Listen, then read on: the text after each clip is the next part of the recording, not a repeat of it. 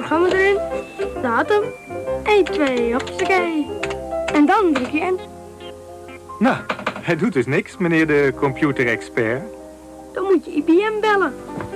Of je stopt de stekker erin. Welkom. Leuk dat je weer luistert naar een nieuwe opname van de podcast Of je stopt de stekker erin. Mijn naam is Karel van der Woude. Ik zit hier aan tafel met... Waren Maassen. Uh, Tony is niet aanwezig vandaag, Nee. maar we hebben wel aan tafel... Mark Willems. Uh, Mark, we stellen zo meteen jou even voor. Uh, Oké. Een speciale gast vandaag, uh, niet van het IBM, maar een businesspartner van ons, vanuit IBM Storage, zit hier aan tafel. Ja, mijn naam is eh, Paul Stopendaal en ben werkzaam bij eStorage. Paul, zometeen jou even introduceren, maar we gaan het met jou hebben vandaag over de archiefwet en alles wat daarom komt uh, kijken, zeg maar, over data Ja. en uh, dergelijke. Dus ik ben heel benieuwd. Uh, het is iets wat heel erg actueel is, wat vooral volgend jaar gaat spelen, heb ik begrepen. Het speelt overal. Um, elke klant is op dit moment bezig met, uh, met de archief. Hoe ga je data archiveren? En dat is een uh, zeer hot topic.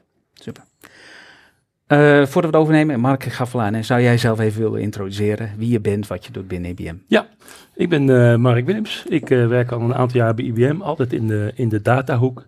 En gezamenlijk met onze business partners, uh, zoals eStorage, bedenken wij oplossingen voor uitdagingen die we rondom data zien uh, bij onze klanten. En daar past dit onderwerp uh, heel mooi in. Ja, super. Dus uh, als je zo meteen vragen hebt die, uh, die wij niet kunnen stellen, of wij, wij dan zal ik ze stellen. Stel ze lekker en uh, doe mee aan het gesprek. Uh, Paul, zou jij je voor willen stellen wie je bent, zeg maar, en wat je binnen eStorage doet? Ja, ik ben uh, Paul, Paul Stopendaal. Ik werk nu 18 jaar bij eStorage. En mijn rol is primair om te kijken van, nou, wat is de behoefte van klanten? En ik ben ook vooral bezig met het ontwikkelen van diensten. En een van die diensten is uh, de archiefdienst, die wij vanuit eStorage gerealiseerd hebben. Oké, okay, en eStorage als businesspartner, um, hebben jullie al een lange relatie met IBM? Um, nou, de relatie vanuit eStorage die, uh, uh, met IBM die stamt al uit 1998, het jaar dat uh, eStorage is opgericht. En IBM is zeg maar, de, de eerste businesspartner en eigenlijk ook jarenlang de enige businesspartner vanuit eStorage geweest. En vanaf dat moment doen wij eigenlijk zaken met IBM. En ja, als ik het even refereer naar de archiefdienst, ja, die is voor een heel groot deel opgebouwd met IBM-technologie. En dat doen we nu een jaar of drie gezamenlijk. Ja, nou, helemaal goed. Um, Dankjewel voor de introductie in ieder geval. En ja, eigenlijk om daarop in te duiken. We hebben het over archiefwet. Ik heb er een klein beetje wat van gelezen om te zien van hey, welke kant gaat het op. Ik ken de oplossing. Uh, zelf ook mee te maken gehad al uh, een tijd geleden. Um, maar als ik de archiefwet begrijp, er is iets, uh, ja, in 2021 hebben ze iets gemaakt, zeg maar. en dat zou in 2024 nu geactiveerd worden? Ja, dit speelt al heel lang. Nou, de, uh, het archiveren van data is natuurlijk een, uh, een belangrijk fenomeen. En uh, zoals je terecht zegt, in 2021 zijn we begonnen met een nieuwe archiefwet, archiefwet 2. En als het goed is, wordt die in 2024 actief. En de eerste archiefwet die stamt uit 1995. En het doel is eigenlijk van hoe kunnen we data, en met name ook digitale data vandaag de dag, op een hele goede, zorgvuldige manier archiveren. En dat geldt natuurlijk voor overheden, voor semi-overheden, voor waterschappen. Dus eigenlijk alles waarvan informatie publiekelijk is, ja, daarvan hebben we de zorg in Nederland om die data op een hele goede manier te archiveren. Uh, voor de lange termijn, voor de, voor de eeuwigheid wordt ook wel gezegd. Maar het omgekeerde is ook waar, is ook informatie, daar ben je verplicht om te vernietigen. En uh, dat is ook een hele belangrijke. Dus op het moment dat je data creëert, moet je eigenlijk van tevoren al nadenken van, ga ik het vernietigen aan het eind van de rit of ga ik het archiveren? En dan moet je ook heel goed nadenken met welke termijn je te maken hebt. En dat is zeg maar de, de uitdaging die speelt, van hoe gaan we op de lange termijn goed archiveren, waarbij de informatie duurzaam toegankelijk houdt. En vandaag de dag is natuurlijk ook een hot topic uh, het groen zijn. Dus met andere woorden, wat kost informatie als je nu al weet dat je het voor de eeuwigheid moet bewaren? Nou, en dat zijn de uitdagingen waar je vandaag de dag mee te maken hebt. Maar gaat die archiefwet dan met name over het digitaliseren? Want als ik vroeger aan een archief dacht, dan dacht ik aan hele lange rijen boekenkasten en, en mappen en de geur van oud papier. Dat is ook de reden waarom jij op LinkedIn zo in een bibliotheek in Den Bosch staat? Het oudste archief van, uh, van Brabant, Bos, mijn, mijn, mijn thuisstadje, ja inderdaad. Maar het gaat natuurlijk nu helemaal gedigitaliseerd worden. Ja, dat is ook de, de grootste uitdaging. We hebben natuurlijk uh, archivarissen. En eigenlijk was in het verleden best wel simpel. Uh, je ging met een uh, stukje papier ging je naar een archivaris, je gaf het aan hem en die zei van, ik ga je heel zuinig op zijn, ik ga het voor je bewaren. En die nam het document uh, door en die ging dan als het ware de metadata, dus die ging de belangrijkste argumenten van een, een document, ging die opschrijven en daar kan je dan op zoeken. Um, nou, dat gaat eigenlijk jarenlang goed, maar door de grote stroom van digitale informatie, ja, die valt natuurlijk ook onder de archiefwet. En um, organisaties zoals uh, overheden, uh, archieven en dat soort zaken, die moeten de informatie overdragen volgens de, uh, de wetten. Um, aan een provinciaal archief of aan een stadsarchief of uh, eventueel aan een nationaal archief. En die overdracht van informatie, ja, dat betekent nogal wat. Want op het moment dat je een document hebt, een fysiek document, nou, dat draag je over en zegt van, nou, dit is het origineel.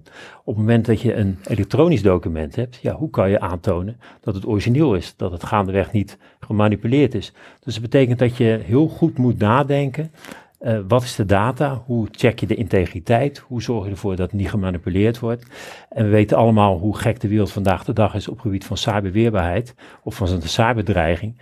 Dus dat betekent, hoe ga je om met die informatie? Dat je ook zeker weet dat het niet gewijzigd wordt, dat het niet gemanipuleerd is, dat je de integriteit kan borgen. En de ander belangrijk punt is de vertrouwelijkheid. Dus met andere woorden, wie kan bij die informatie, en misschien nog belangrijker, wie vooral niet. En wat eh, mijn zoektocht uh, de afgelopen maanden of jaren eigenlijk is geweest, is dat er vooral wordt gekeken naar uh, vanuit de rol van een archivaris, dus de functionaliteit in een applicatie.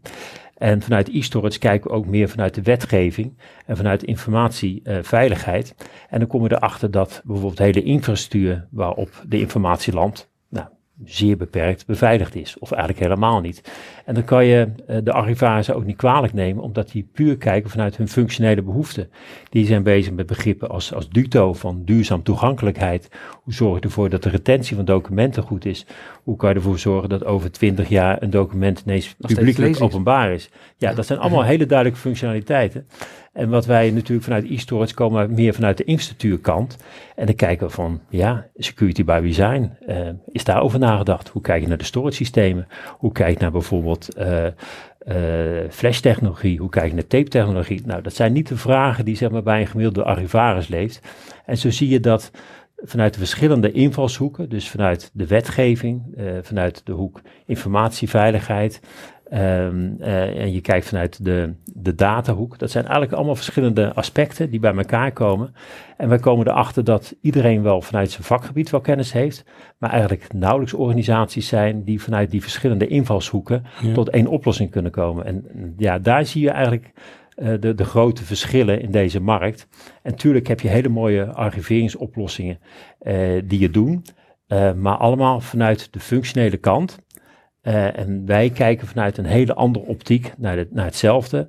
En het bijzondere is, als we met z'n allen naar een, eh, naar een telefoon kijken, iedereen die ziet hem vanuit de andere kant en iedereen heeft een andere waarheid. Ja. En zo is het ook als je kijkt naar het opslaan van informatie uh, ja, voor, voor een archief. Ja, ja. Als, als ik praat met, met, met mensen in de datawereld of met archivaars, dat is één onderwerp wat je nog, nog niet benoemd hebt, waarvan ik het idee heb dat het bij hen, maar ook hun collega's, hoog op de agenda staat, is hoe beheers je nou eigenlijk de kosten?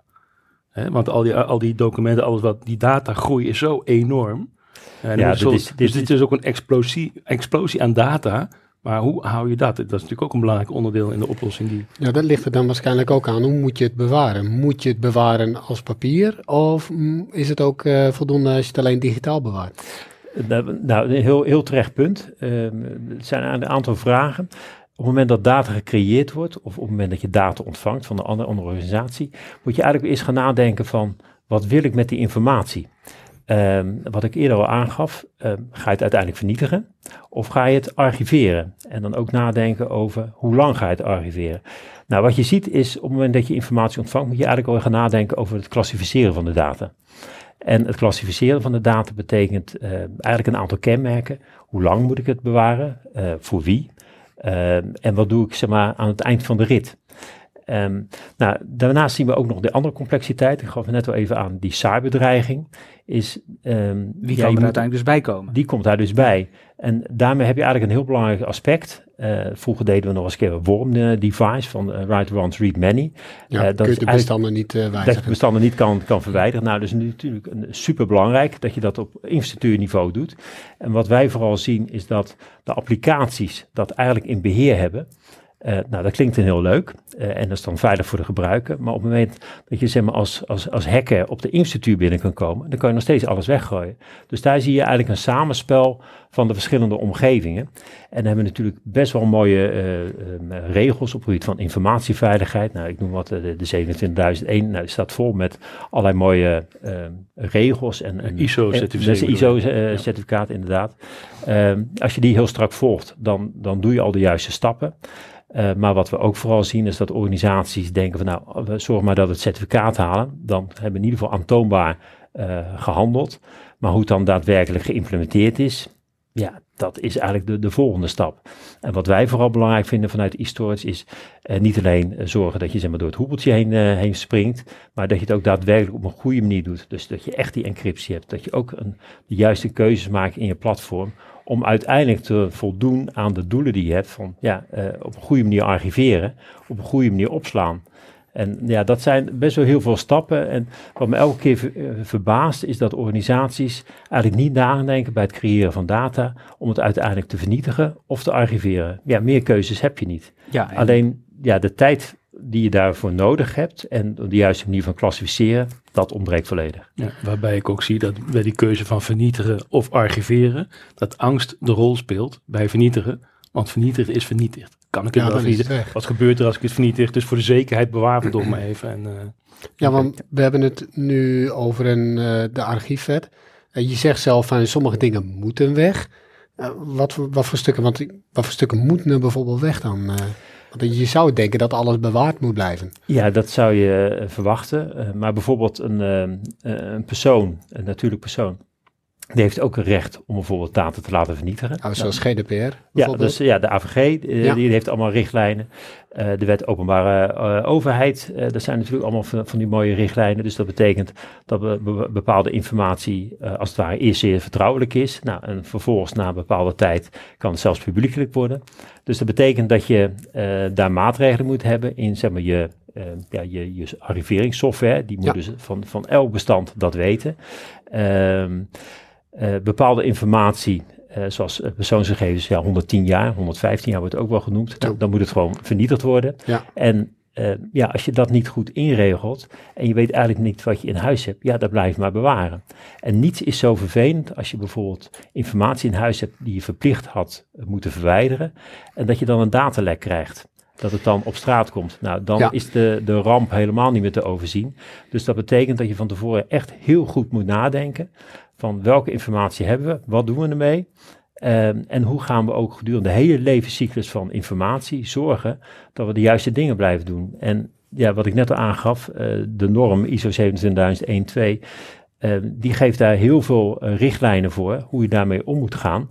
Eh blijft blijft natuurlijk altijd de eigen implementatie van de klant zelf. Eh, het zijn, is- zijn er ook sancties vanuit de wetgeving? Stel je voldoet er helemaal niet aan. Ja, je GDPR en. AVG sowieso wel. Nee, maar ook zijn er additionele sancties voor, voor instellingen als ze er niet aan voldoen? Eh, Natuurlijk zijn er sancties. En eh, vanuit eh, de GDPR, AVG eh, zijn er ook boetes die, eh, Ja. die opgelegd kunnen worden. Eh, ook als we kijken in naar de toekomst, je ziet dat natuurlijk eh, vanuit eh, de NIS en de DORA, dat zijn allemaal vormen van, eh, van, van regels. Die worden steeds strakker en, eh, en, en, en duidelijker. Ehm, maar wat, wat, Wat, Nissan Dora misschien voor de ja, dat, dat, zijn, uitleggen. dat zijn inderdaad dat al eh, begrippen. Ehm, ja, ik ben wel NIS even en- een voetnootje onderzetten ja, dat is denk ik wel goed. Ja, Maar, dit gaat eh, wel heel, heel ver gelijk. NIS Eh, want als je het heel kort even uitlegt, NIS en Dora. dat is- Ja, NIS en DORA, dat zijn eigenlijk richtlijnen hoe je als organisatie moet voldoen om eh, minimaal te kunnen blijven functioneren na bijvoorbeeld een ransomware aanval. Ja. Eh, dat is in ieder geval eh, heel simpel en, en kort gezegd waar je moet voldoen. En die richtlijnen die zijn, die gaan heel ver. En het moet ook aantoonbaar zijn. En dat is denk ik een hele belangrijke in vergelijking met eh, de 27.001 die ik net aangaf. Dat zijn echt duidelijke richtlijnen. En Mag, wat- ik, mag ik even een klein stukje terugstappen? Want ik, ik had nog even een vraag voor een echt een, een, even een tastbaar eh, voorbeeld. Eh, en ik zat zelf te denken als eh Barend, en ik noem mezelf maar eventjes, bijvoorbeeld een, een bouwvergunning aanvraagt. Dan de gegevens van Barend mogen bij wijze van zeven jaar bewaard blijven. Maar mijn bouwvergunning moet bijvoorbeeld 50 jaar beschikbaar blijven. Ja, nou, dat is, Moet, moet ik het zo een beetje ja, zien? zo moet je het echt zien. En dat is een heel mooi voorbeeld wat je, wat je aangeeft.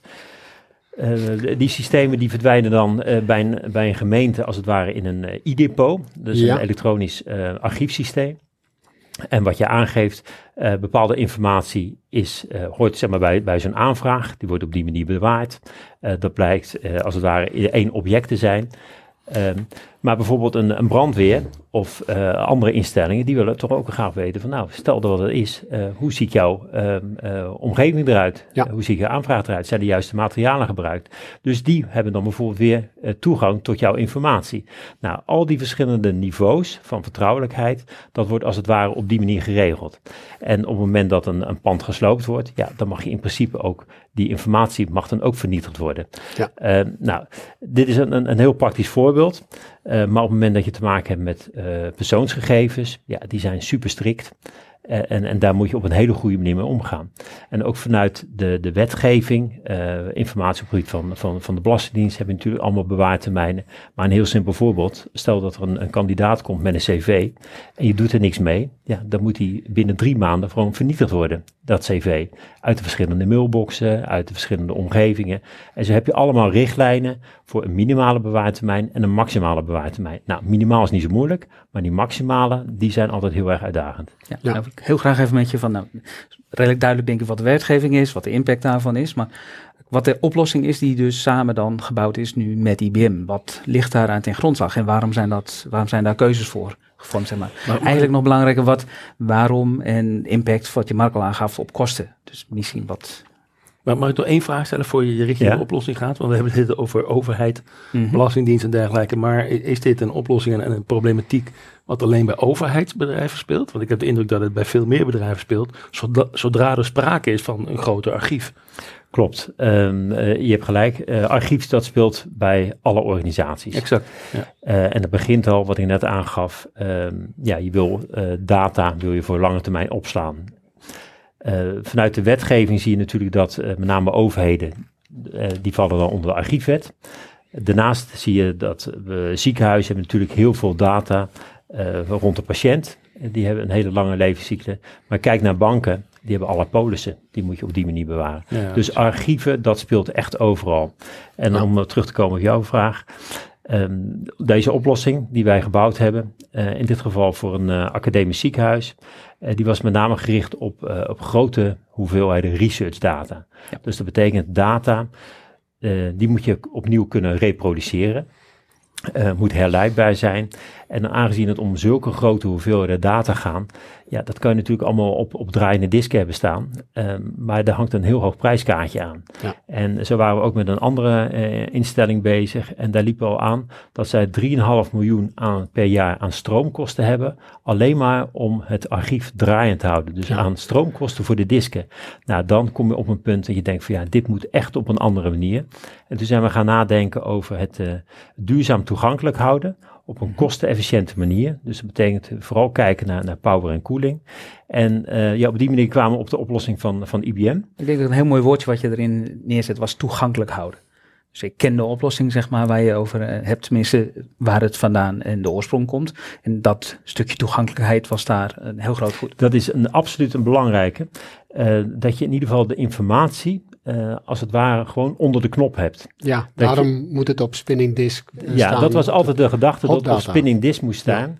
En ehm, op het moment dat je praat over petabytes en petabytes aan data, ehm, ja, dan, dan is het gewoon te kostbaar. Dan heb je een half datacenter nodig om, om, om dat voor elkaar te krijgen. En als je dan weet dat je die informatie wel moet hebben, alleen zeer beperkt eh, opvraagbaar is, ja, dan moet je gaan nadenken, wat zijn daar de beste oplossingen voor?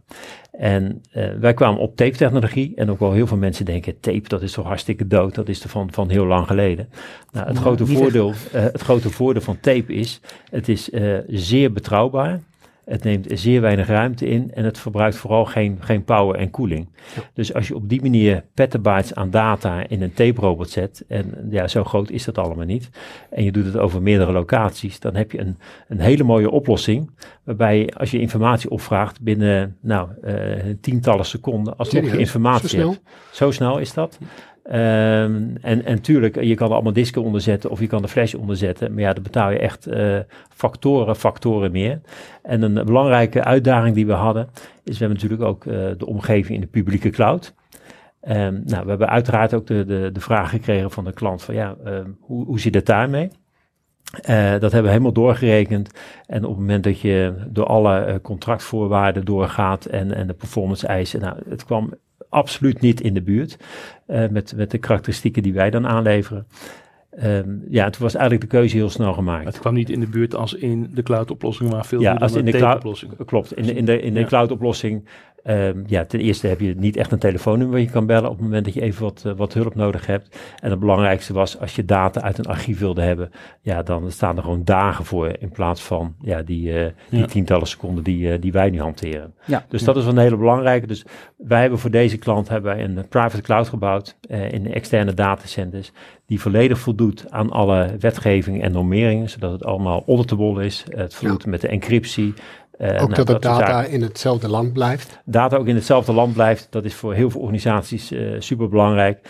En, en wat je nu vooral ziet is, ehm, eh, klanten willen toch wel enige feeling houden van, ja, waar staan nou die spulletjes? En het meest belangrijke is, en dat zie je ook in, eh, in, eh, rond de informatieveiligheid, is eh, je moet eigenlijk beginnen met de exit-strategie. Dat klinkt altijd een beetje, een beetje vervelend. Ehm, ja, als je zeg maar, iemand net kent, dat je begint van, ja, hoe gaan we uit elkaar? Maar dat is eigenlijk helemaal niet de doelstelling. De doelstelling is dat je als organisatie nadenkt, eh, welke maatregelen moet je nemen op het moment dat je als het ware afscheid neemt van de publieke cloud. Dus dat staat ook in een nieuwe norm van, eh, van de informatieveiligheid. Die moet je als het ware eerst beschrijven. En als je dat helder hebt, ja, dan kan je eigenlijk gewoon eh, gedegen stappen zetten. En ik zeg altijd tegen, met name tegen de CISO's, eh, zorg ervoor dat je aantoonbaar zorgvuldig gehandeld hebt. Want De hebt- CISO's zijn de... de, de security officers binnen organisaties, Ah, ja. dus die kijken naar eh, ja, hoe zitten de processen in elkaar, wat zijn de belangrijkste processen, welke data hoort erbij en die bepalen ook de dataclassificatie. Ja, En, maar- en dat zijn hele belangrijke mensen binnen organisaties, want ja, die bepalen eigenlijk ook van wat wordt gearchiveerd en wat wordt niet gearchiveerd. Maar ik snap gewoon heel goed eh, wat je zegt. Je praat gelijk al over je exit-strategie. Eh, de meeste luisteraars weten wel dat ik in de cloud stuk zit. Ehm, maar je moet er al over nadenken van hey, hoe ga ik mijn data weghalen op het moment dat, dat er of A iets is met mijn leverancier of B, eh, we komen op bepaalde stukken gewoon niet meer overeen.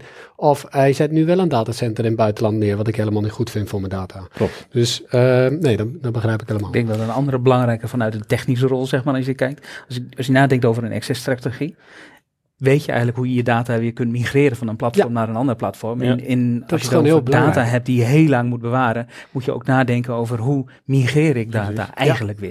Ja. Nou, op tape in een auto, dus... eh. Ja, nou je, je zegt wel een heel belangrijk punt. Want in de levenscyclus van, van, eh, van informatie, van data, daar staat natuurlijk op storage systemen. eh heeft natuurlijk ook gaandeweg eh, dat je van het ene storage systeem naar een ander gaat. En vaak zie je ook dat je nog eens een keer een, eh, een swap maakt naar nieuwe technologie, naar een andere vendor. En dat is ook een hele belangrijke, dat je ook weet van ja, hoe ga je van A naar B. Dus ehm, tijdens de hele levenscyclus van, van, van data in, in, in de datacenters, ja, komt er nog wat bij kijken. En ehm, ja, daar hebben we ons natuurlijk met name op gericht vanuit e-storage. Van, ja, we doen niet alleen archivering, maar ook het, het, het eh, beheren van die informatie. Zorgen dat je eh, niet te maken krijgt met, eh, met mogelijke cyberdreigingen. Ja. Hoe zorg je ervoor dat je data beschikbaar blijft over meerdere datacenters. Een ander thema wat, wat nu met name opkomt is de integriteit van data. mhm. Nou, we hadden het net al eventjes over een archivaris.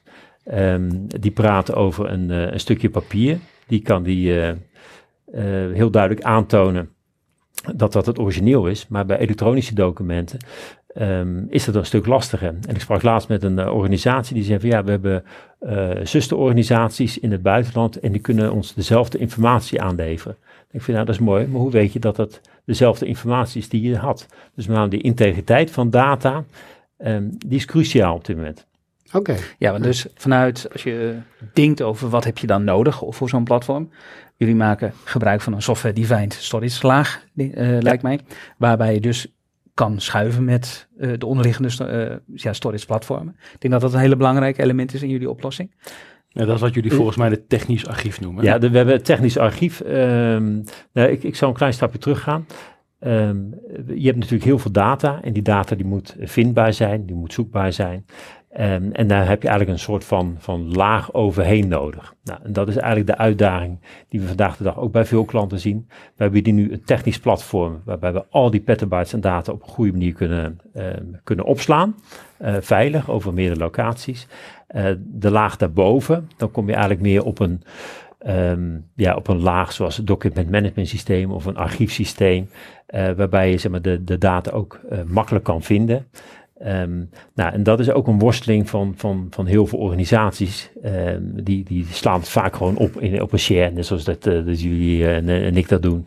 Eh, nou, een, een of ander Word-bestandje die zet ik op een share. En nou, dat is bij heel veel organisaties dat een beetje uit de hand gelopen. En eh, die willen dan eigenlijk de stap maken van ja, hoe kunnen we dat weer op een hele goede manier eh, doorzoekbaar maken. Dat ook alleen de juiste mensen bij de juiste data komen. Nou, dat zijn de stappen eh, die op dit moment ook gezet worden. Wij zijn al zover dat we in ieder geval een technisch platform, dus de technische middelen hebben en kunnen aanbieden. Ja, en dan dus gezamenlijk met de klant kunnen we dan zeg maar de next step zetten. ja, dus in dat platform zit dan dus, eh, het verhaal helemaal goed begrijp, zit tapeopslag, zeg maar, voor langdurig. Klopt. Er zit eh diskopslag om dingen te kunnen benaderen, zeg maar, Ja. als een soort staging area, lijkt me haast. Eh, daar zit software boven die ervoor zorgt dat alles op de juiste plek komt te staan. En dat alles ontsloten is en ook weer makkelijk terug te halen is. Want anders krijg je het Ja. niet in enkele seconden weer uiteindelijk van tape terug.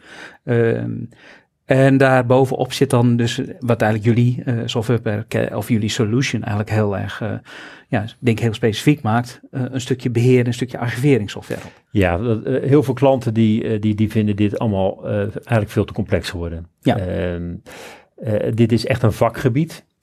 Eh, klanten willen eigenlijk gewoon bezig zijn met hun core business. En, en dat is creëren van data en eh, daar de juiste dingen mee doen.